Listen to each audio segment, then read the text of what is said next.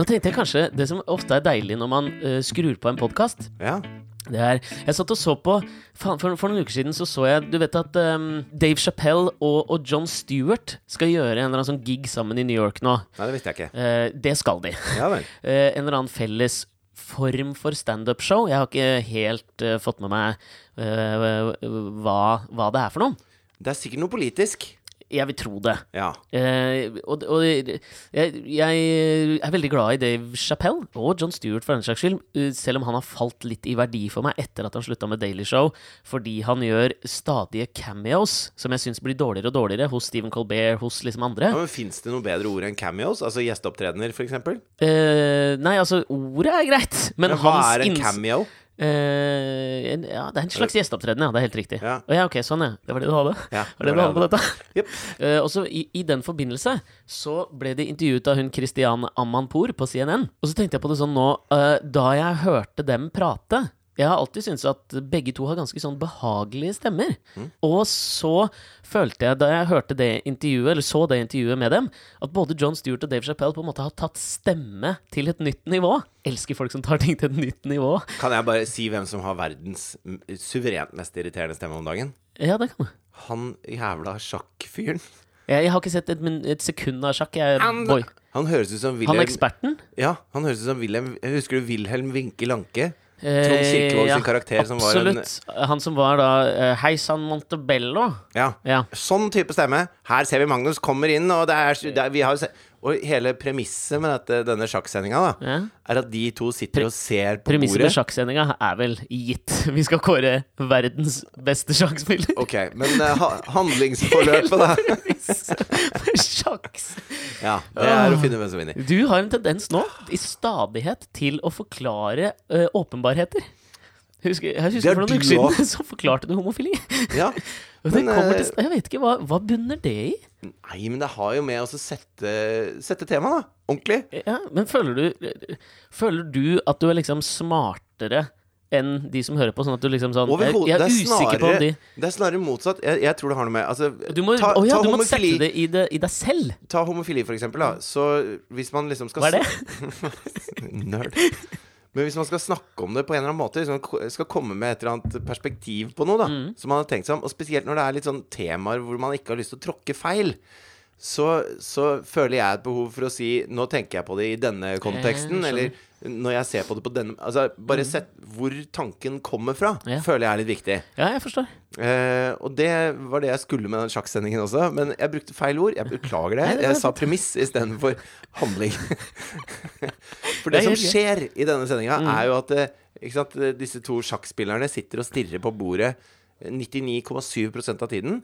Og så av og til så noterer de Når de tar et trekk, så noterer de hva trekket er på blokka. Mm. Ja, Og så slår de på klokka, og så begynner de å stirre igjen. Ja. Eh, det vil si at resten må fylles inn. Og da er det eh, eh, på en måte Det er en kjent utakknemlig eh, kommentatorjobb, tenker jeg. En av de mer. Jo, men de har liksom løst det på en god måte, for de har både en slags studiosending med kjendiser Nå sitter jeg og forklarer dette til deg, bare Ja, fordi jeg- du ikke har sett det. Ja, Masse folk er har sikkert, sett det. Men, men det er sikkert mange som ikke har sett det også. Ja, og så har du liksom eh, grafikk som viser eh, hva de muligens gjør og sånn, og så er ikke sant, eh, Rolf Christian Larsen og Tobias Santelmann eksempel gjester, da, og så sitter de og snakker om sine opplevelser med sjakk, og at de når de, spiller, når de er ute og gjør eh, skuespilleri, Mm. så har de ofte pauser, og hvis de da begynner å scrolle på telefonen eller gjøre andre ting, prate om andre ting, så detter de ut av rollen. Så av og til så spiller de bare sjakk, fordi det er noe som krever full oppmerksomhet. Så du kan på en måte eh, beholde rollefiguren i deg selv, da. Er dette sjakksendingen og kommentariatets svøpe? Det at i motsetning til andre sporter, så vil du alltid eh, som gjest i den, la oss kalle det sport, Ja. eh, måtte forsvare hvorfor sjakk kan være relevant for ditt yrke når du er der som gjest. ja, for det er jo noe Du med gjør jo at ikke det når du kommer som gjestekommentator i sportsklubb fotball, liksom. Nei, Hva, altså, hvis det du ser når jeg er du skuespiller, liksom. sånn Ja, jeg hadde ofte smøreproblemer, jeg også, når jeg gikk andre lysløypa. sporter.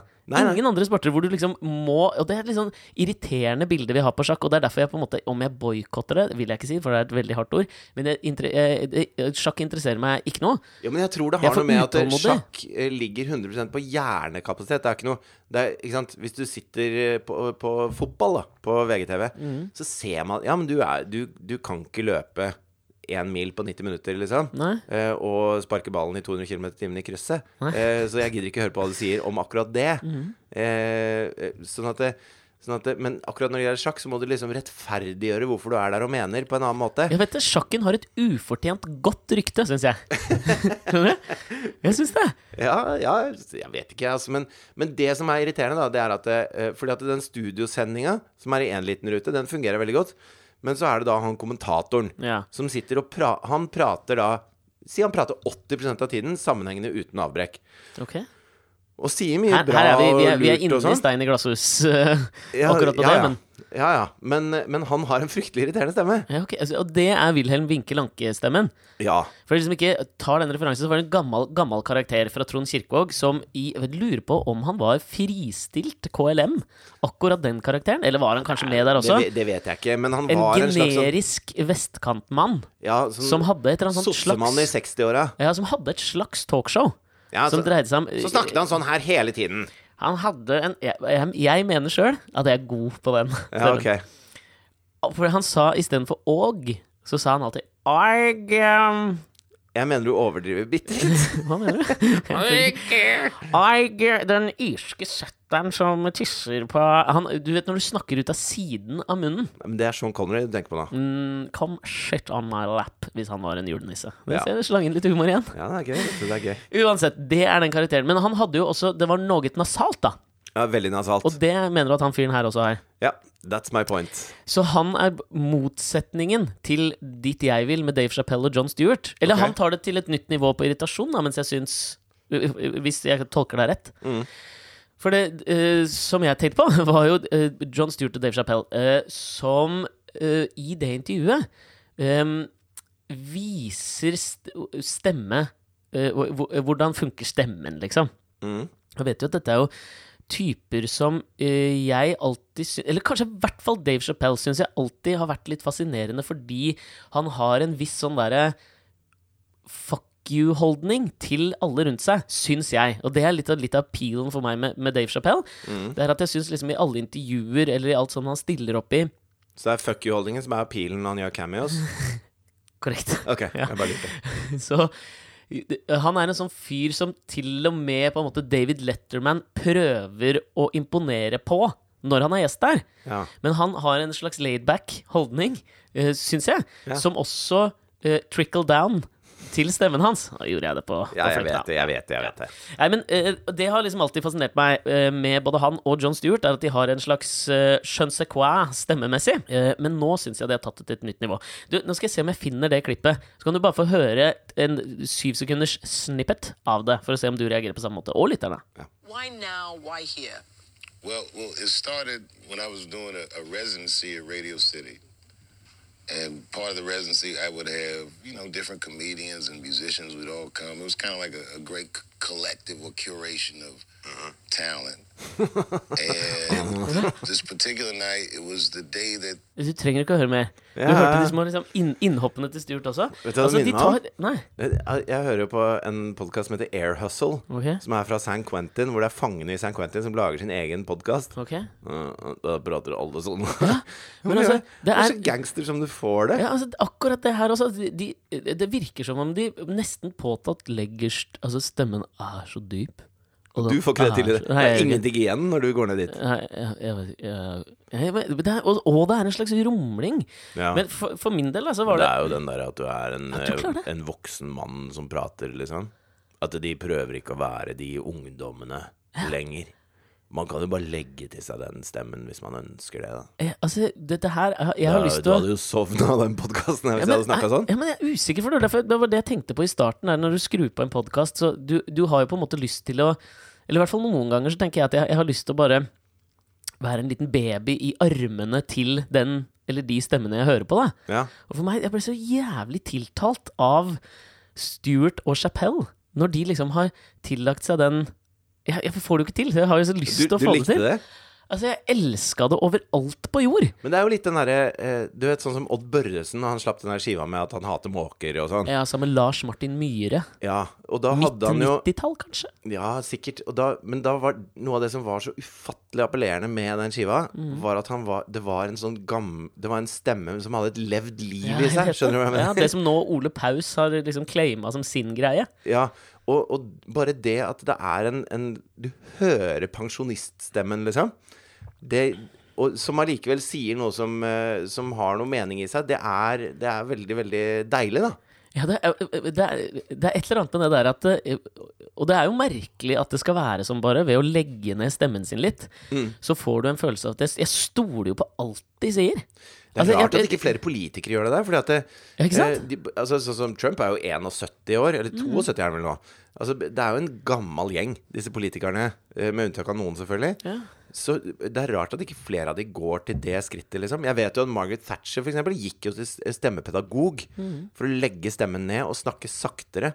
Fordi at kvinner får ofte det stempelet at hvis de blir engasjert, da, så, så skriker de, liksom. De bare jeg hy hyller og skriker. Eh, og da bruker eh, motstand... Eller mest Da bruker menn det aktivt som et våpen mot dem, da. At vi orker ikke høre på den skrikinga, Nei. de, liksom. Eh, mens når de gjør Det det, samme, så er det litt sånn Jimmy Åkesson gjør mot uh, Annie Løv. Når Ja. hun liksom hun, det er jo et jævlig billig- Det er så jævlig billig poeng. poeng. Når han har stått og sagt at ingen eh, innvandrere passer inn i Sverige, og hun bare app, app, app, app. Altså, han, for faen, Du blir alltid så hysterisk, Annie Løv. Det, er liksom, ja, det er så lett å liksom dra det kortet. Og det er, så- det er noe sånn 30-tallet over det. Tidligere, liksom. Ja, fra, fra minus 2000 til 30-tallet. Da ordet hysterisk betydde For det, før i tiden så betydde jo det altså kvinner som hadde en, eh, en mental lidelse. Type Ja, sånn der. Virginia Woolf-stemning, liksom. Du vet hvordan de behandlet hysteria? Jeg, jeg har jo noen, eh, har jo noen eh, Virginia Woolf-referanser, typ. Er det Nei, men- Virginia Woolf jeg sikter til? Altså, det var jo, altså Hysteria ble jo Det var jo en, sikkert en tysk Veldig sånn tysk, sånn sørtysk oppi Alpene-type lege. Ja, kanskje. eh, På et Ja. sanatorium. Sanatorium. Sanatorium. Ja, asylum. Ja, ja, sanatorium er jo veldig kompatibelt med San- Ja, ikke sant? Ok, tenk deg nå 20-tallet. Eh, sanatorium. Mm. Ja. Eh, hvor du har liksom én lobotomiving der Ja. borte. Og så har du hysteria-pasientene på den andre. Ja. Hvor han da mente at det, eh, eh, det var opp, oppdemmet seksuell frustrasjon som utløste hysteria. Eh, Freudiansk på en eller annen måte. veldig. Så hans, eh, hans løsning var da eh, orgasmeterapi. Oh, ja, nei, dette visste jeg ikke. Jeg tenkte jo på altså, at det var elektrosjokkterapi og sånn der at du stengte dem inne i badekar. Det har de også helt sikkert Ja, at- prøvd, disse fordi jævla du skulle sadistene. roe deg ned, Ja. og så ble du stengt inne i et veldig varmt badekar. Og du som sliter litt med klaustrofobi, hvordan tror du det Ja, fungerer? det er jo motsatt effekt, Ja, absolutt. Men, men det var jo eh, de som oppfant dildoen. Kødd! Jeg trodde det var sant. Få gi noe bakgrunnsinfo på den. altså Hans Petter Burre Burås. Ja, gamle alpinlegenden. eh, han vant vel slalåm i OL i Nagano, var vel hans claim to fame, tror jeg. Ja, gjorde det? Altså, hans claim to fame var vel at han kjørte med en sånn derre lue som type var jævla seint 90-tall, som, som hadde liksom lue nederst, men så var det liksom hår på toppen som var rødt. bula. Ja, bula var det, ja. ja. Bula! Mula, bula! så greia var vel at han, da han la opp ja, Dette har du fortalt meg, tror jeg. Så begynte han å importere dildoer til Norge.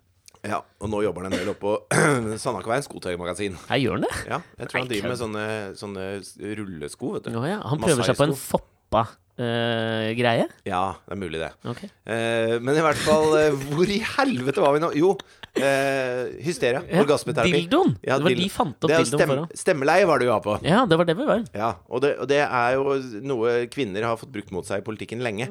Sånn at Margaret Thatcher gikk jo til sånn terapeut som skulle jobbe med stemmen. Både med hvordan hun pusta og prata, og tempo og toneleie og alt mulig sånt. Sånn at hvis du hører opptak av Jernkvinnen tidlig, så var det jo en sånn en, høyt opp i pitch, liksom, det hun uh, gjorde. Og så fikk hun jo I engelsk politikk så er det jo temperatur inne i Underhuset. Ja. Hvor de hyler og skriker og, og holder på. Et klipp som har gått viralt den siste uka, er jo når Theresa May står der Ja. og liksom present, Hun presenterer vel setningen type sånn Vi har kommet til en løsning som jeg tror alle vil bli fornøyd med i forbindelse med brexit. Og så begynner hele parlamentet å le. Le! Altså, det, er så, det, er så, det er så lite kompatibelt med det ellers så sofistikerte overklassen i Storbritannia. Men så faens befriende å høre hele den gjengen le. Ja, det er superdeilig. Ja. Men det, jeg hørte et intervju med han Altså Apropos på en måte hva som behager oss lyttemessig, da. Men eh, kan jeg bare ta en på stemmebruk? For Ja, vi, vi sliter jo litt med eh, Hvem altså, er vi? Nei, i, i vår lille familie, da. Ja. Så Thea er jo nå elleve år, og, og det har blitt en litt sånn hard stemmebruk i klassen. Men vi merker jo at det kommer litt sånn inn på hjemmebane også. Og i dag morges så sto jeg i dusjen, eh, og så hører jeg da eh, Thea begynner å krangle med Katrine om hvorvidt den ene hårbørsten er hennes eller Katrine sin. Okay. Hvor dette eskalerer, liksom. Og Jonathan sitter og tegner på badegulvet mens jeg dusjer. Ja, du lar han tegne rett på gulvet? Eh, ja, han har ark, da, mellom blyanten Forstår. og gulvet. Ja. altså, Laissez-faire-innstilling til eh, barneoppdragelse. Så blir det ganske sånn Det blir ganske temperatur da nede. Jeg hører det selv om jeg dusjer på en måte i en annen etasje, så hører jeg temperaturen nedefra. Ja, okay. uh, og Jonathan uh, uh, hører det jo også. Jeg ser han stoppe litt, og så tegner han videre, og så liksom lukker han seg inn i sin egen verden. Som en svamp sitter Ja. han der. Og så eh, Og da, da, det er jo også den der stemmebruken, ikke sant? For den akselererer eh, Ja. veldig når de to setter i gang. Ja. Og så kommer jeg ut av dusjen og tar et håndkle, og så ser han opp på meg, og så sier han Jeg elsker deg, pappa. Med Dave Chappelle-pitch. Ja. Jeg elsker deg'. Lille, lille Odda sier 'Jeg elsker deg, pappa'. og så sa jeg så hyggelig, da. Jeg elsker deg også. Mm. Ja, egentlig så er det du som bestemmer. Du er den største pappaen. og da kunne, burde han stoppa der, for da begynte han å snakke om at men hvis hulken hadde bodd der, Ja. så hadde det vært han som bestemte. Og det, det må man jo være enig i.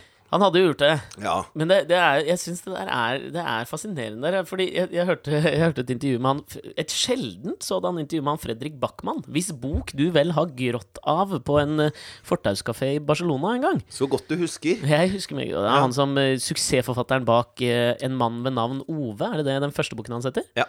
Så han ble skrevet etter en sånn Min mormor dro Jeg, jeg husker ikke hva alle bøkene hans heter. Jeg. Nei, det er bare den jeg har lest. Men da, da ble jeg ordentlig rørt, altså. Ja, ja, det ble du. Ja. Filmatisert med Rolf Lassgaard i hovedrollen, eller? Ja, og den filmen var så god, men den var ikke Den nappa ikke i tåretrådene på samme måte. På samme måte. Det var ikke den kassa med sjalottløk som den boka var. Nei, men uh, Fredrik Backman er, er litt sånn mystisk type, kanskje, ettersom han har gitt så jævlig få intervjuer og, og, og har, latt bøkene snakke for seg. Jeg faen. mistenker jo at folk som er mystiske på den måten, bare er litt kjedelige. Ja, jeg er helt enig. Jeg Ja. tror det, også. Men så hørte jeg et intervju med han nå.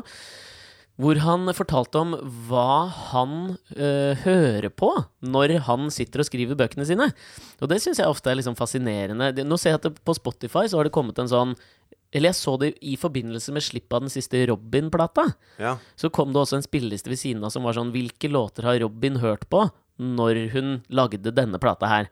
Og det jeg fant ut, var at jeg syns den nye Robin-plata Det syns jeg er rarere enn Altså, altså det, det må jo være da inspirasjonskildene til Ja. Mm. de forskjellige låtene.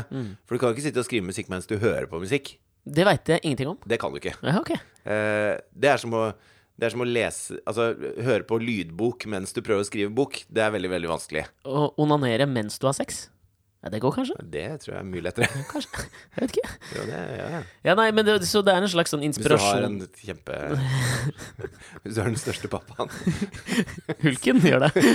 Hulken gjør det. Ja, det var en slags inspirasjonsliste. da Så fant jeg tidlig Eller jeg fant ut da jeg liksom hørte gjennom Robin-plata, syntes jeg den var kjedelig som faen. Men inspirasjonslista har jeg hørt masse på. Den var dritkul. Så det er derfor jeg også syns det er liksom fascinerende da å høre hva er det Fredrik Backman hører på. Når han får inspirasjon Men hører han da på lydbøker, eller hører han på musikk? Nei, det var, ja, det var musikk, da. Og det, jeg ble så jævlig fascinert. Fordi det han hørte på var, Kjenner du til bandet Lamb, Lamb of God? Det kjenner jeg godt til, Ja, ja. det gjør det, ikke sant? Det er ganske hardt. Ja, for altså, Så sa han liksom én spesifikk låt da som han hørte på. Jeg kan jeg kan, På repeat. Nei, altså sånn, han, han skulle I dette intervjuet så skulle han liksom fortelle om det. Så skulle han spille av en sånn liten eh, snippet av hva det var han hørte på. Ja. Og jeg kjente ikke til Lamb of God. For det er liksom ikke min Åpenbart ikke min kopp med te, da. Det er liksom offerlammet, da, ikke sant? Ja, Og det, det sier jo noe allerede der Ja. om hva slags musikk det er. ja det er jo ikke k-pop. Det er det ikke. Men skal du få en smakebit? Ja, dette kan jeg like.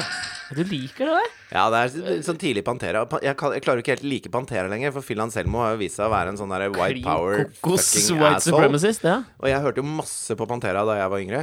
Eh, men nå går jo ikke det lenger, Fordi at eh, han er jo så rasshøl, han fyren her.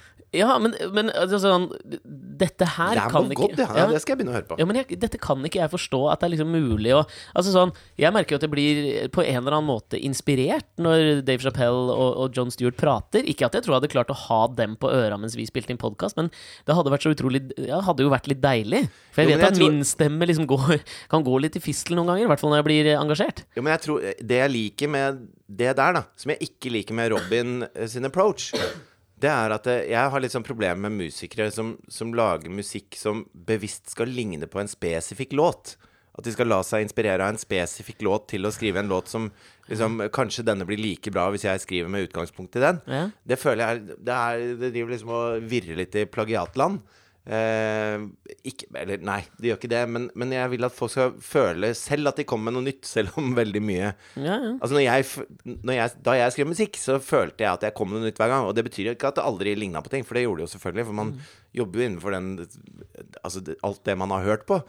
Eh, men man må i hvert fall ha lyst til at det skal komme fra et nytt sted når man skriver musikk. Skjønner du hva jeg mener? Ja, ja. Og, og litt sånn har jeg det med, med all type Altså all type altså Det kan være malerier eller bøker eller hva det nå. At du må føle at Nei, dette er boka jeg har lyst til å skrive. Jeg følte at en mann ved navn Ove var litt sånn. da Ja. Den hadde et annet perspektiv på det å være gammel og det å være, se på seg selv som en hederlig mann. Eh, samtidig som hele omverdenen så på deg som en jævla gretten gammel kjiping, liksom. Og, så, og så fikk du på en måte begge sider av det perspektivet veldig godt belyst. Og så ble du veldig glad i denne sykt gretne, kjipe gamle gubben. Ja. Og da syns jeg at eh, hvis du skriver den boka, som er en varm eh, bok om Pensjonist-Sverige, mens du hører på Lamb of God, så er det i hvert fall ikke derfra du henter inspirasjonen. Nei, Skjønner du? det er litt gøy at det blir liksom en kontrast til Ja. det du skaper. At, det, at det, gir han, det gir han sikkert energi og driv, men, men det han holder på med, det er noe annet. Og det syns jeg er veldig deilig. Det høres sånn riktig ut uh, fra et kreativt ståsted, da, hvis Jeg du er helt enig, men jeg, jeg klarer ikke å se for meg sjøl tenke en tanke. Det er kanskje sånn mitt problem, og det er derfor jeg aldri hører på sånn det er musikk. Jeg føler at den tar opp hele min kapasitet. Det kan jeg være litt enig i. Jeg hadde ikke klart å Altså, jeg sliter jo med hva jeg, Det leter jeg mye etter. Hvis noen har lyst til å sende noen spillelister med instrumentalmusikk som er digg å høre på, men som ikke, Mm. Bare som ikke er jazz, for det syns du bare Ikke er jazz, ikke klassisk. Eh, for det stopper jo aldri. Uh, som det går an å høre på mens man skriver ting og gjør ting. Ja. Uh, som ikke har For jeg blir så opphengt i tekst at jeg klarer jo ikke å må, Det er veldig vanskelig for meg å ha på musikk med tekst mens jeg jobber. Mm. Så, så ta gjerne imot tips på det. Men det er fascinerende det der du sier med på, på en måte møte Når du møter et sånt produkt, da, som enten er en bok eller en TV-serie, eller om det er en plate, eller whatever sant? Hvis du er maler, da, så ser du Mona Lisa, og så tenker du Å ja, det var et veldig fint bilde. Nå skal jeg også male en dame som ser rett på meg med et eh, lureaktig smil. Ja, ikke sant? Eh, eh, håper det blir like bra som Leonardo da Vinci sitt, liksom. Så er det på en måte det er ikke så spennende, da. Jeg er helt enig, og det der syns jeg er fascinerende, fordi det, øh, det, det handler jo på en måte om å møte noe for første gang. At det har en Ja, det, jeg syns egentlig det har en verdi.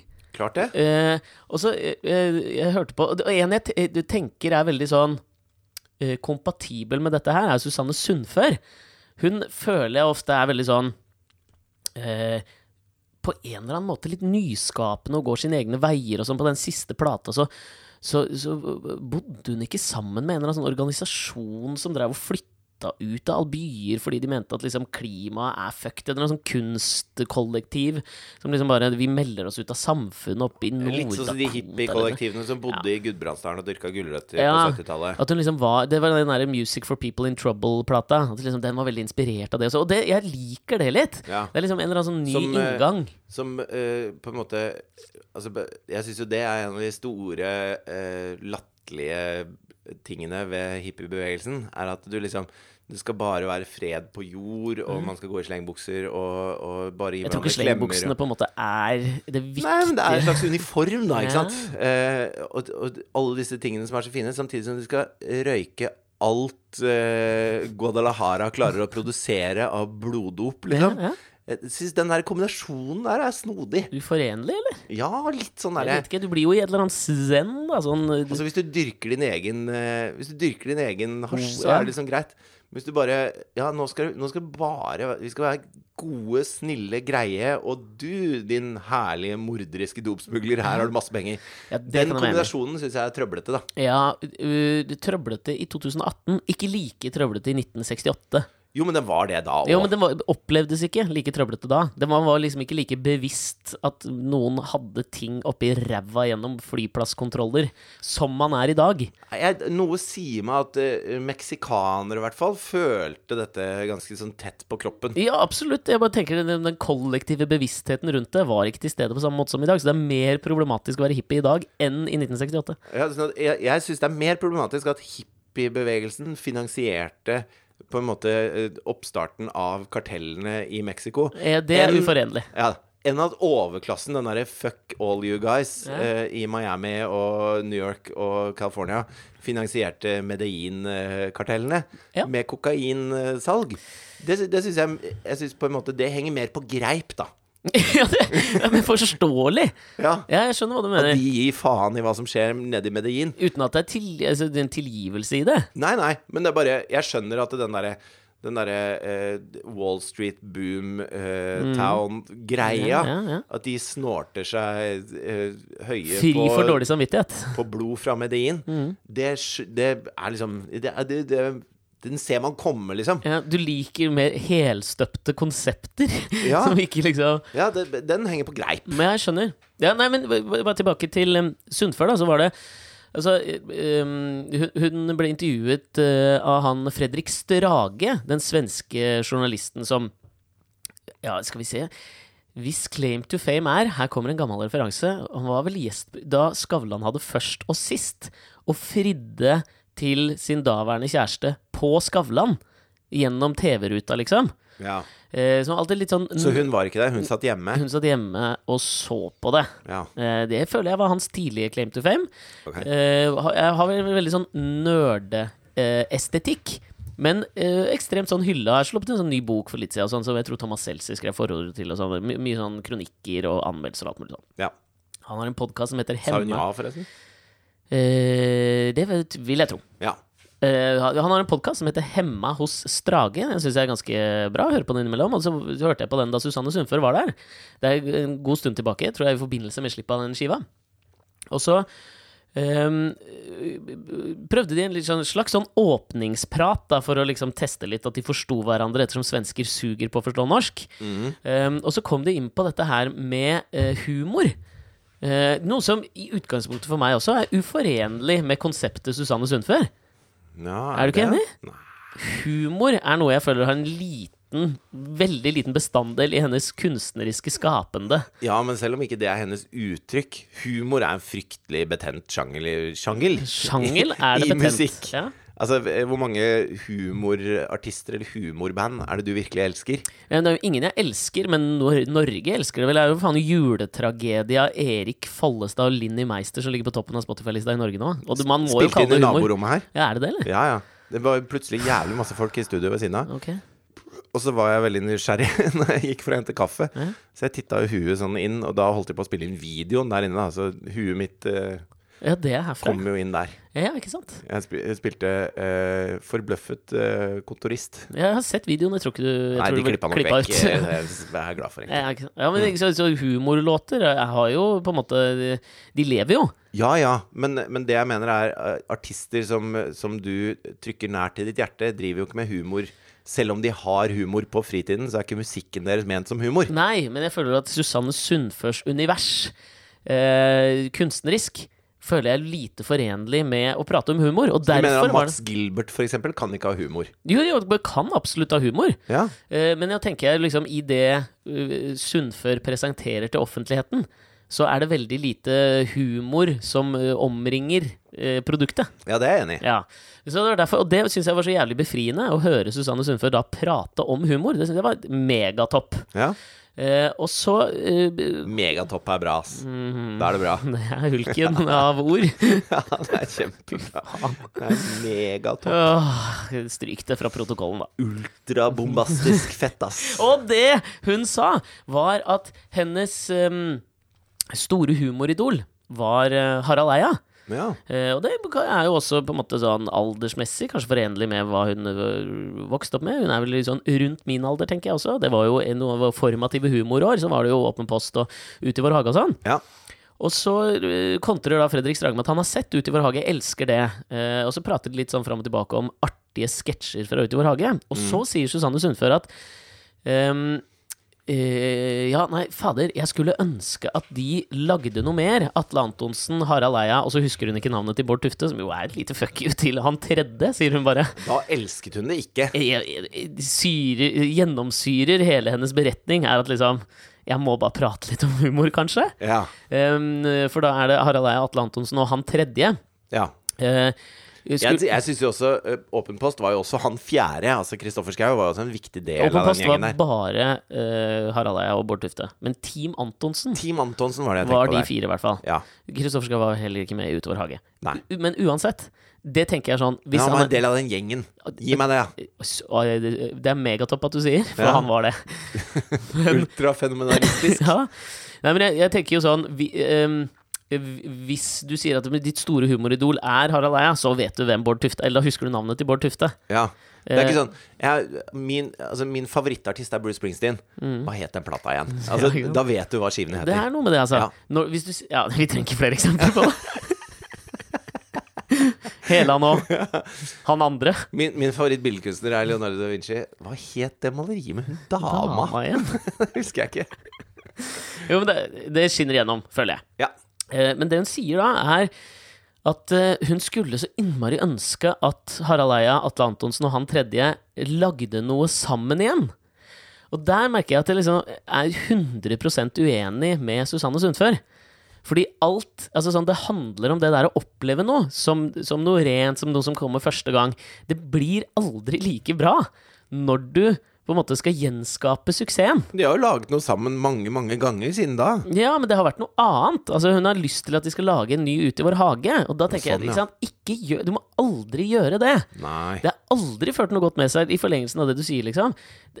Og det overrasker meg at hun som liksom kunstnerisk utøvende person liksom vil det. Altså At hun tror at kanskje at humor skiller seg fra noe som hun driver med. Det gjør jo egentlig ikke det. Altså, det som, altså sånn, kan ikke du, Susanne Sundfør, skrive den Walls-låta igjen Altså, fra den første skiva di? For den elska jeg. Det hadde vært så digg å høre den igjen. Ja. Jeg er helt uenig. Det er et eller annet sånn eh, kunstnerisk regressivt i den uttalelsen som overrasker meg rundt Susanne Sundfør. Ok.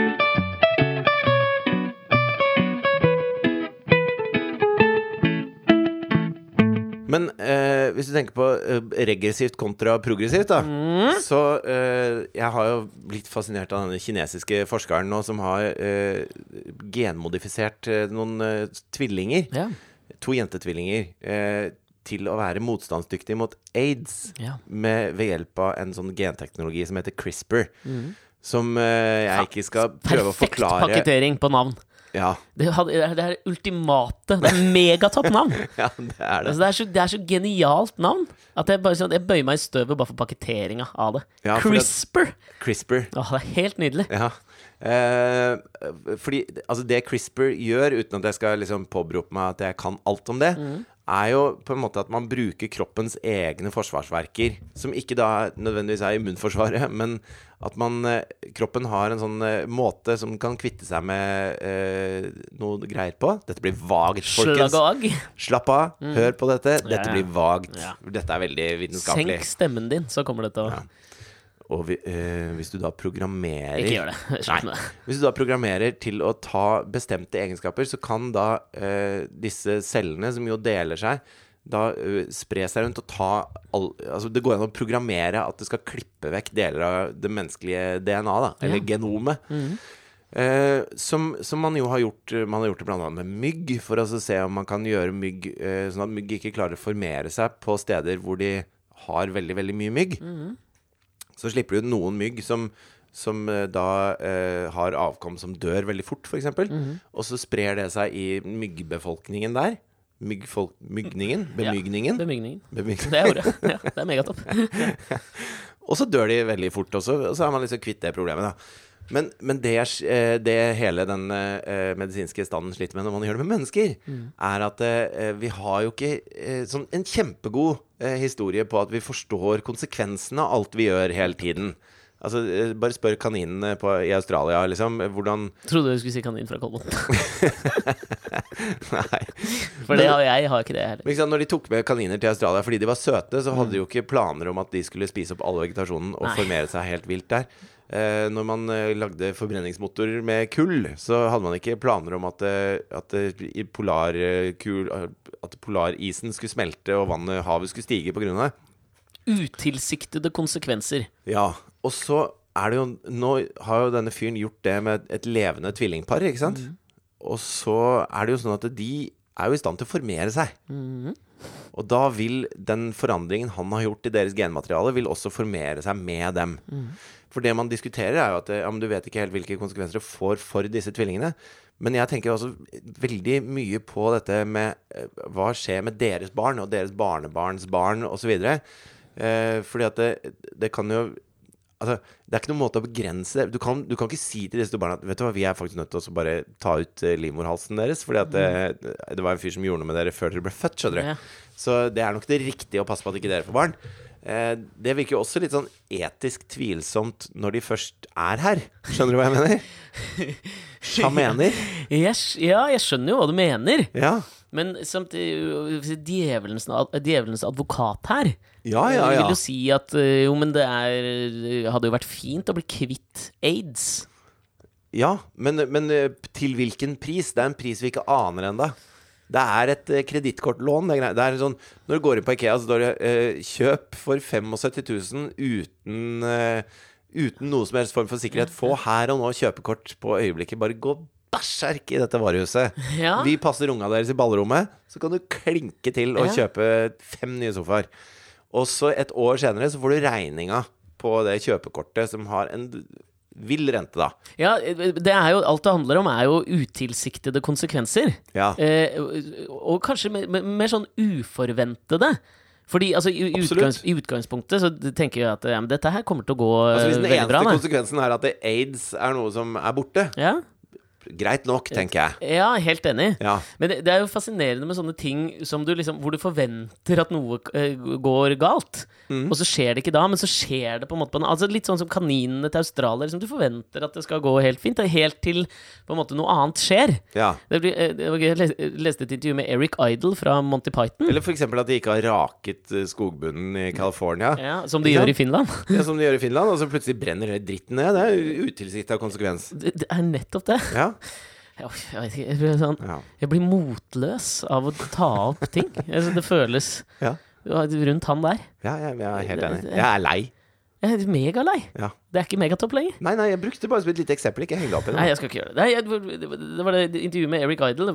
Hvis far eh, kjempet i andre verdenskrig eh, Han var eh, Hva het eh, flyverne fra Storbritannia? Det, eh, Pilot. Ja, nei, men det, det Uansett, det ble jo kalt et eller annet. Eh, kjempet i andre verdenskrig, Uh, og var, ble krigshelt. Megatopp piloter, tror jeg Eh, det. Det var det de var. og uh, døde ikke. Som jo forventningen er at okay, du, det er en stor sjanse for at du stryker med Ja. i andre verdenskrig. ja. Det gjorde han ikke. Mange gjorde det. Det var veldig, veldig mange.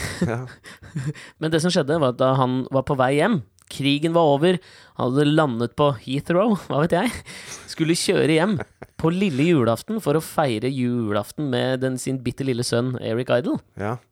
Eh, så dør han i bilulykke fra flyplassen på vei hjem til huset for å feire jul med familien sin etter å ha kjempet i andre verdenskrig. ja. Det føler jeg liksom er det samme. Vi kan ikke, vi kan ikke si at dette her kommer til å suge, men på et eller annet tidspunkt så kan det hende at noen dør i sexakten med en av disse her fordi det genomet spiser pikk, eller jeg vet da faen, jeg. Altså, dra det i ytterste konsekvens. Jeg tror nok det er eh, ikke en sannsynlig konsekvens, da. Nei, du skjønner, skjønner hvor jeg vil hen? Jeg skjønner hvor du vil. hen. Det er det som er problematisk her, uten at jeg har noe eh, større filosofisk svar på eh, det, dette etiske dilemmaet. Men, men litt av problemet her er jo at alt som er mulig å gjøre, er det noen som kommer til å gjøre. Uansett, liksom. Det, da, da vil jeg si, eh, som en oppfordring og som en avslutning på denne podkasten, for jeg er nødt til å stikke nå, Mm. det er hvis du da skal gjøre det, det er, Hvis du tenker deg at du skal gjøre det, bare sørg for at du er den første som gjør det. For Ja. det, har en, det har noe. Det har en verdi. Det, for, det, det, trodde han jævla kinesiske forskeren også. La oss la, Vi kan la tvilen komme han til gode inntil videre. Dumme som vi er, eh, vi mennesker. Og tenke at ok, men han gjorde det i hvert fall først. Ja. Flott, ass. Ha det! Ha det!